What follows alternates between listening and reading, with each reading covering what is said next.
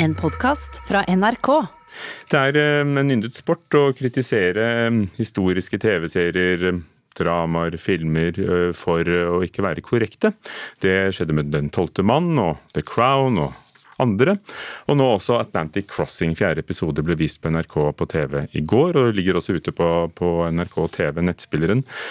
Nå reagerer både forfatteren av den store biografien om kong Haakon, Tor Boman Larsen, og litteraturviter Tore Rem på TV-serien, og ikke minst hvordan den fremstiller kronprinsesse Märtha, og mener hun har fått langt mer å si i serien enn hun hadde i virkeligheten.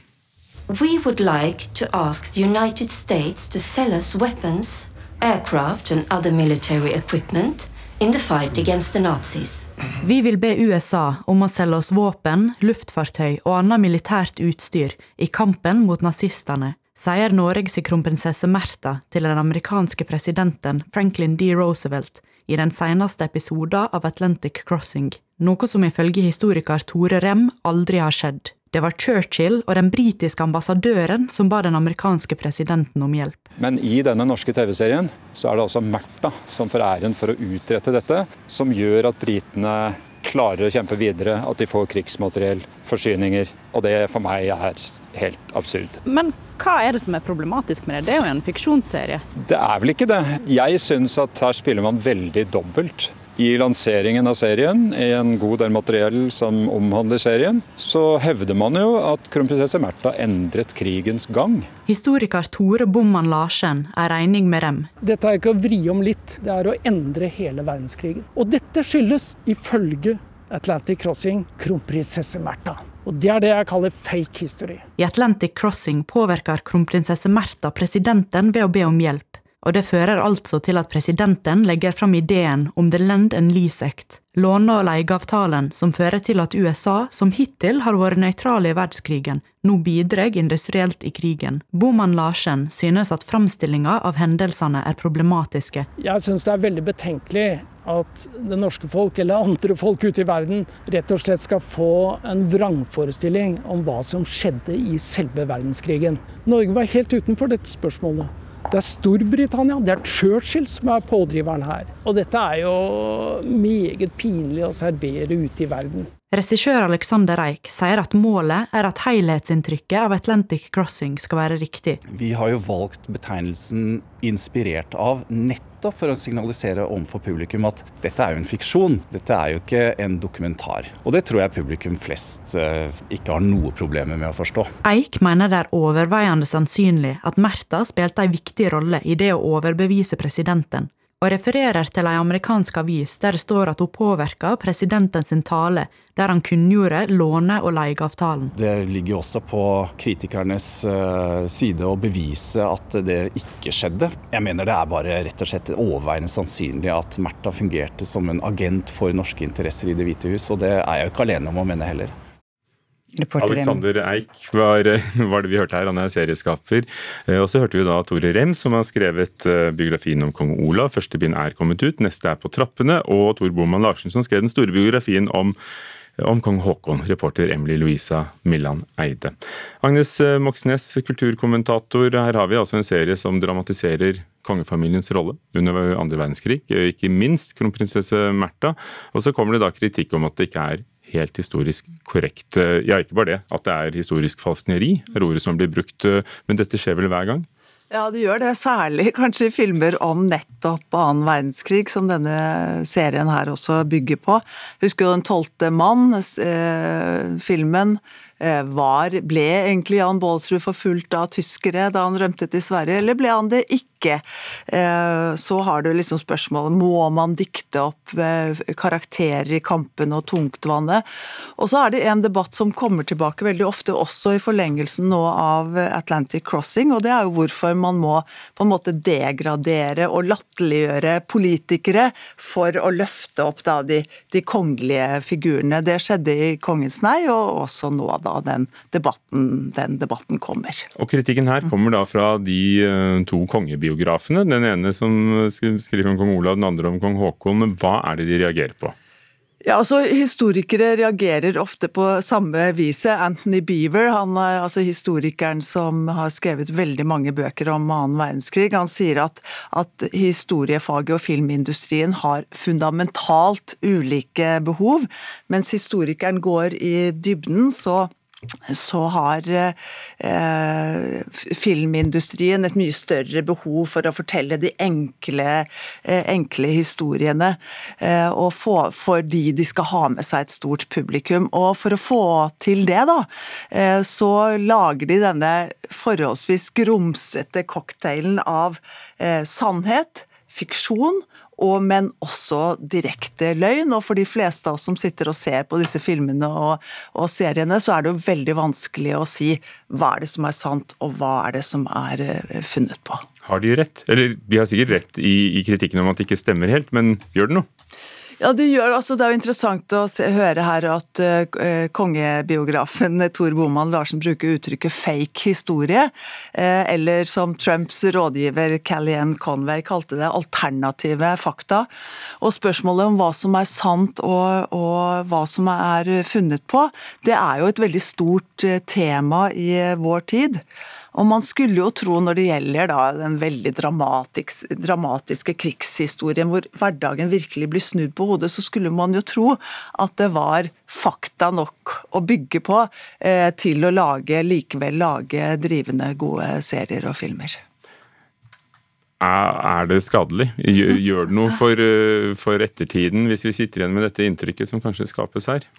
Ja, altså For det første så handler jo dette om mennesker som faktisk har levd, og de har jo ikke noen mulighet til å forsvare seg. Og, og et ettertid, da, når filmer og serier er blitt laget altså fra, Hvis vi holder oss til annen verdenskrig, så er det jo veldig lett i ettertid å se at dette er filmer som er laget for liksom, nasjonsbyggingens skyld. Altså Vi løfter vårt eget land og, da, eh, og vår egen rolle i historien, og da får man veldig ofte liksom tegneserieaktige figurer hvor heltene er på den ene siden og skurkene på den andre.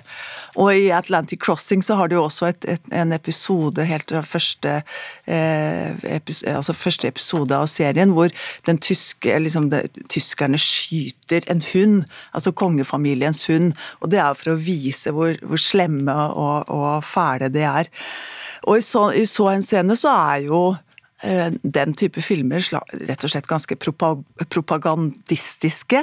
Eh, og, eh, og vi setter opp liksom enkle sannheter, da, og, det skal man kanskje følge litt nøye med på. Gi meg ett eksempel da, på, på, en dramatisering som ikke har endret på det som vi vet eller tror har skjedd. Nei, det tror jeg er vanskelig å finne, for det må jo forkortes og fortettes. Men det må på en måte bygge på fakta. Og så har det jo noe med kvalitet å gjøre. Og så begynte jeg å se på The Crown i, i går. og det er jo drivende godt laget, men de har et interessant perspektiv, fordi at de tar jo de historiske fakta kongehuset lever i, og ser hvordan det påvirker kongehuset, eller dronninghuset da, i tilfelle Storbritannia. Takk, Agnes Moxnes.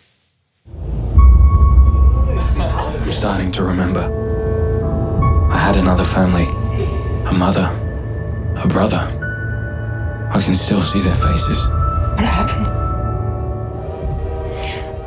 Dette er lyd fra filmen Lion fra 2016. Den er basert på en sann historie om en gutt som kom bort fra moren sin i India og endte opp eh, hos adoptivforeldre hundrevis av kilometer unna.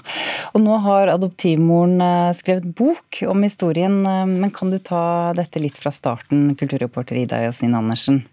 Ja, Saru var den vesle fem år gamle gutten som gikk seg vill i India og kom vekk fra moro da han var fem år gammel. Han hadde en lang reise og endte til slutt opp med å bli adoptert av et par i Australia. Og 25 år senere, i 2012, fant han igjen den biologiske indiske mor si, faktisk ved hjelp av Google Earth. Og denne ganske utrolige og rørende historien ble eh, jo et, eh, etter dette den eh, Oscar-nominerte filmen 'Lion', som kom ut i 2016, der mellom annet Nicole Kidman spiller adoptivmora Sue Brierly. Og nå har hun, altså adoptivmoren, skrevet bok. Hva er det hun skriver om? Ja, Sue Brierly er adoptivmora til Saru, og hun ble jo egentlig kasta litt ut i rampelyset i 2012, da adoptivsønnen hennes fant eh, den biologiske mor si igjen. Og nå har hun altså kommet med ei bok der hun forteller om sin egen oppvekst i Tasmania, skriver The Guardian. Oppveksten hennes var traumatisk og prega av eh, fattigdom. I tillegg hadde hun en far som var voldelig mot eh, mor hennes. Og Barndommen til Brierly gjorde at hun bestemte seg for å finne en kjærlig ektemann, men òg at hun ville adoptere barn. Både for å gi dem en ny sjanse i livet, og fordi hun så på foreldrerollen som et privilegium og ikke en rett. Hun forteller òg i boka om det å adoptere to gutter fra India, for hun adopterte òg Mantush i tillegg til Saru, som òg er med i filmen Lion. Takk, kulturreporter Ida Yasin Andersen. Vi skal tilbake til Storbritannia, vi nå til politikk og kongelige intriger. For i går hadde fjerde sesong av TV-serien The Crown premiere på Netflix. Serien eh, som har blitt populær og anerkjent, eh, tar for seg livet og regjeringstiden til dronning Elisabeth og de rundt henne. La oss høre litt. In time, she will give up her fight and bend, as they all do. And if she doesn't bend, what then?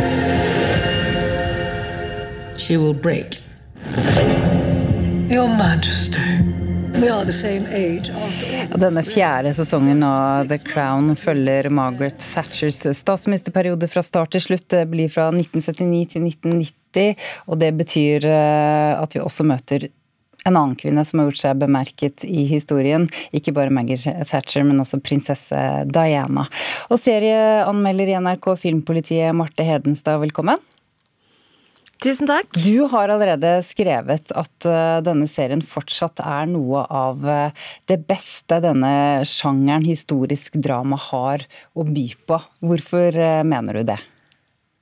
Ja, Det mener jeg fordi at jeg syns at Peter Morgan, serieskaper, han evner å få til eh, den der balansen mellom fakta og fiksjon, eh, stort sett. Eh, sånn at han dikter jo lite grann når man kommer til disse indre gemakkene til de, disse kongelige menneskene, men han klarer den der balansegangen mellom det som på en måte vi vet har skjedd, samtidig som han skaper noe mer menneskelig som ligger under der. Og så er det jo sånn at dette er den aller aller dyreste serien som Netflix lager. Så det er jo et helt vanvittig stort budsjett her, eh, og det syns jo eh, i TV-ruta. Det er eh, de beste skuespillerne som man har å by på, og det er en produksjonsdesign som, som er svært forseggjort og veldig, veldig flott å se på.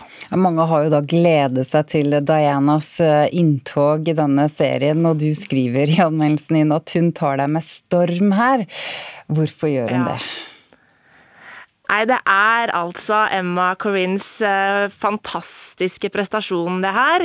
Eh, hun eh, klarer den fine, vevre personligheten til Diana, samtidig som hun nå kan smelle til med glimt i øyet, humor og sinne tidvis.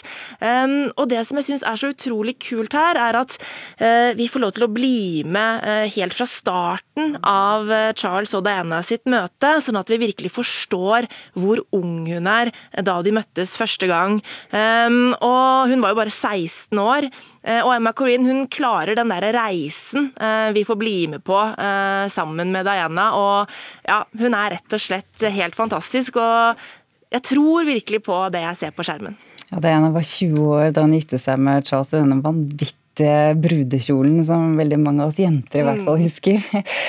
Det har jo blitt skrevet så mye om disse menneskene. Får du vite noe du ikke visste fra før? Nei, det er ikke noe nytt som er basert på fakta som man får vite her. Eh, altså, hvis man er interessert i historien mellom Diana og Charles, så har man jo sikkert sett dokumentarer, man har lest bøker, presseoppslag osv., så, videre, så det er liksom ikke så veldig mye nytt å hente. Men det jeg syns selskapet Peter Morgan gjør veldig fint her, er at han klarer å nyansere det litt mer. da. Altså, eh, det er ikke en sånn svart svart-hvitt fremstilling av hvem som er hva skal vi si, bad guy i forholdet. Eh, også Charles uh, vi får se hvordan han sliter i denne situasjonen. Og han er jo satt inn i det han anser som et arrangert ekteskap, og elsker jo egentlig en annen, ikke sant. Sånn at jeg syns at det nyanseres på en fin måte, som gir kanskje litt større innblikk i hvordan det muligens da, egentlig var. Og så til jernkvinnen statsminister eh, Maggie Thatcher, som jo rammer inn denne sesongen, spilt av Gillian Anderson. Eh, hvordan syns du hun eh, portretteres? Gillian Anderson er en helt fabelaktig skuespiller, og hun lar oss virkelig komme inn under huden på Margaret Thatcher. Jeg syns hun gjør en strålende jobb. Eh, det jeg har litt problemer med, er eh, måten hun snakker på, og jeg vet at det er veldig, veldig korrekt. Altså, det ligner mye på Margaret Thatcher sin måte å snakke på, men sånn for mine 2020-ører så får jeg litt sånn Dette er veldig overtydelig. og så syns jeg også at eh, Peter Morgan ja, han feiler litt grann når det kommer til fakta og fiksjon her. Han blander inn privatlivet til Margaret Thatcher på steder hvor det kanskje ja, man kan få litt inntrykk av at hennes følelser som kvinne kanskje tar overhånd. Um, og det er jo noe som eh, Margaret Thatcher selv uh, jobbet imot å bli fremstilt som, denne emosjonelle kvinnen. Så jeg syns det er litt merkelig at Peter Morgan gjør det akkurat her, for det fremstilles da litt som at noen av de store Eh, tingene som Margaret Thatcher faktisk fikk til, da, eh, kanskje var litt mer flaks enn eh, ja, det egentlig var. Du gir denne siste sesongen, eller ja, altså, ja, den, den, siste til nå, sesongen av The Crown terningkast fem. Men hva mangler da for, for, at du skulle gitt en sekser? Nei, altså det er jo den derre siste, siste uh, bitte lille ekstra, sånn som f.eks. det at jeg er litt grann misfornøyd med historien til Margaret Thatcher. Um, og så er det jo litt grann sånn treghet i en én episode inni der. Men uh, det er liksom ikke så mye å snakke om. Og så skulle jeg gjerne ha hatt enda mer dronning Elisabeth, for hun spiller lite grann uh, andrefiolin i denne sesongen. Takk, Marte Hedenstad, seriekritiker i NRK Filmpolitiet, og du kan finne denne anmeldelsen på Filmpolitiets nettsider eller nrk.no anmeldelser. Du har hørt en podkast fra NRK. Hør flere podkaster og din NRK-kanal i appen NRK Radio.